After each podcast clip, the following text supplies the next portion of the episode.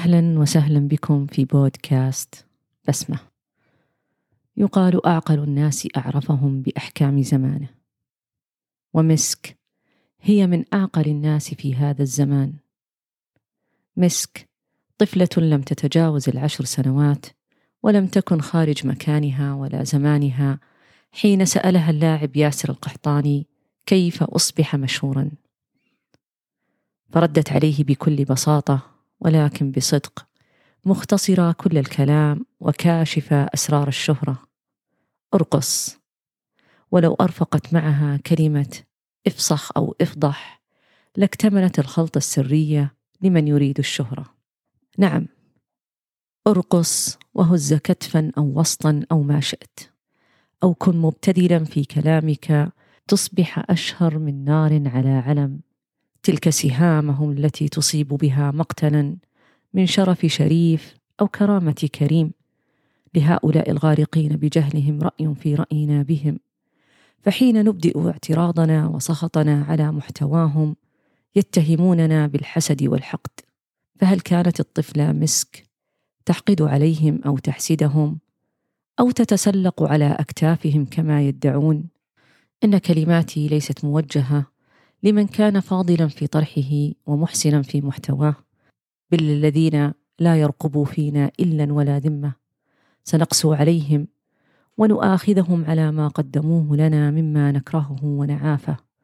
من عادات مستهجنة تؤذينا في إنسانيتنا وكرامتنا. بل وفي ديننا. نصك وجوهنا خجلا حين نراها. ونستغشي ثيابنا حياء حين نسمعها. ثم نعتذر لأنفسنا ولأوطاننا. الغريب أنهم يعتقدون أننا نتطفل عليهم ونشقي أنفسنا بمتابعتهم. فهل خلا الحياء من أهله؟ ألا يعلمون أنهم يظهرون لنا في كل وقت وحين رغما عنا وأن أخبار العالم ومن هم أعلى منهم وأدنى تصل حدنا وتخترق حدودنا بلا عناء البحث أو مشقة السؤال. لقد أصبحت الحياة سامجة. فنحن محاطين تماما بمحتواهم وأصبح لدينا سوقا للغباء. يستثمر الجهال به جهلهم منفلتين بلا نظام يضبطهم ولا رادع ينهرهم. يجتمعون بسوقهم ثم يتاجرون ببضاعتهم وبضاعتهم كاسدة. شروها بثمن بخس ولكنها سريعة الانتشار ومعدية. لمن لا حصانة عنده لأنها تصيب العقل الفارغ فتسلب لبه وتملأه غباء. إنهم يزيدون البشرية ويلات وآلام. وما الجاهلية الأولى ببعيد عن الجاهلية التي نراها؟ غير أن الأولى تحمل أخلاقنا تمها ديننا أما الثانية تحمل رزايا ورذائل مزخرفة باسم الحرية والحضارة. لا أنكر أن لهم نصيبا من شبابنا نأسف عليهم وما هم عندهم إلا أرقام. نعم أرقام من المتطفلين على الحياة يلهثون نحو أبوابهم المفتوحة يدوسونها ويدنسونها أو هم أرقام من العاثرين الذين قل فهمهم وصغر سنهم الذين لا حول ولا حيلة لهم في استنقاذ أنفسهم منهم المنهكون من الملل. الذين يقاسون الحرمان والفارين من ويلات الفراغ إلى عذابات محتواهم. ذلك المحتوى الذي أخرجهم من طبيعتهم الإنسانية. فسرق وقتهم وأمات حلمهم وعكر صفاء أنفسهم وأفسد طهارة قلوبهم وشوه فطرتهم السليمة.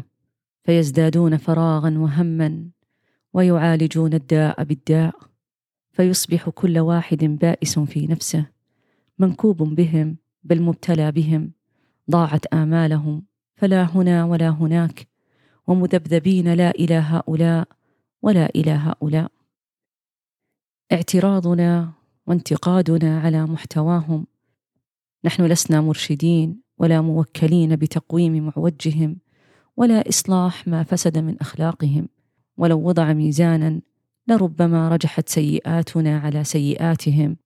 ولست هنا واعظة ولا خالية من الخطايا. ولن أفسر نواياهم فالله أعلم مني بهم. لي ظاهر أمرهم وما أستنكره وأعافه. هو ما أراه بعيني وأسمعه بأذني. وهو حق لي لن يسلبه أحدا مني حتى المخالفين لي. ولم أكتب مقالتي هذه لأنال منهم ولا لأشتم أحدا منهم باسم النصيحة. ولم يكونوا وجبة دسمة لقلمي غير أن الشيء بالشيء يذكر. لأنني كتبت حين رأيت نموذجا من الشباب يغمر قلبك بالسعادة ويبعث في روحك الامل وحتى تشرق صورتهم ونعتز بهم. لا بد من ذكر ما ذكرته سابقا. لقد رأيت الأكفاء الذين يعتركون الحياة ويصارعون العيش فيها حتى يغلبوها.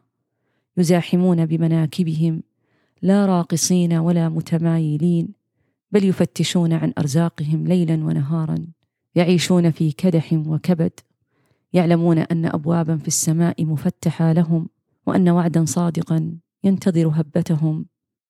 كتبت لأبشر الناس أن اخيارا قادمين نشأوا كراما مترفعين لا ينظر أحدهم إلى ما في يد غيره بل يعاف أن يكون دنيء النفس. في عيونهم قناعة وفي أنفسهم رضا حتى حيزت لهم الدنيا في أيديهم. فكروا وقدروا الأمور فأصابوا وأخطأوا. جربوا الحياة واختبروا ناسها فكانوا في ميادينها مقاتلين حتى استقامت لهم واستقاموا على الصراط المستقيم. لا تأسرهم الألقاب وليسوا عبيدا لها. ولا يقيمهم رأي جمهور في منشور ولا يرفع شأنهم ولا يضع من قدرهم رقم يصعد تارة ويهبط تارة أخرى. تركوا ما لا يعنيهم واشتغلوا بما يعنيهم. يسرون الخاطر حين تراهم. يقودهم الأمل ويسوقهم الرجاء. سيغسلون قلوبنا فرحا ويغمرون الحياة سلاما. هم خاتمة الماضي. وبداية المستقبل. هم دعواتنا التي استجابها الله ودعوة مجتمع استجابها حاكم حكيم وولي أمر طموح. فوجد الشباب ضالته وأدركوا أن تحت سقف السماء رزق وتحت سقف المدارس علم. فرأيناهم رأي العين في يومهم أعزاء متوج رؤوسهم بالفخر. أنفاسهم سلام وحديثهم سلام. نحو المجد خطاهم. إن أقبلوا فبالبشر وإن أدبروا فبالخير.